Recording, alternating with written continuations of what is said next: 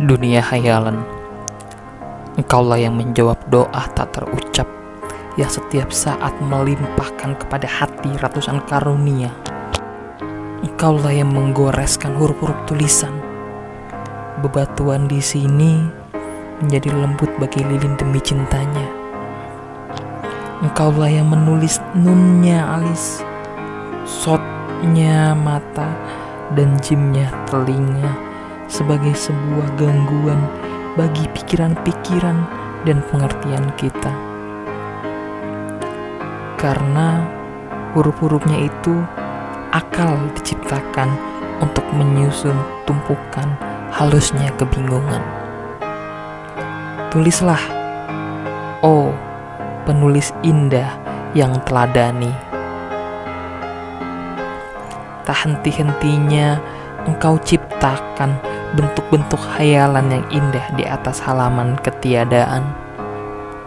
Di atas lembaran hayalan, engkau goreskan huruf-huruf yang membingungkan mata, raut muka, pipi, dan tai lalat. Aku mabuk oleh gairah ketiadaan, bukan oleh keberadaan karena sang kekasih dari dunia ketiadaan lebih setia. Tataplah betapa gemarnya orang gila pada garis-garis gelap yang digoreskan tanpa jari jemari. Setiap orang tergila-gila karena khayalan dan demi harta menggali yang terpendam di sudut-sudut. Seorang pergi ke gereja untuk menunaikan kewajiban agama. Yang lain karena hasrat yang kuat untuk menabur benih. Seseorang kehilangan jiwanya dalam doa setan. Sedangkan yang lainnya di atas bintang-bintanglah meletakkan kaki.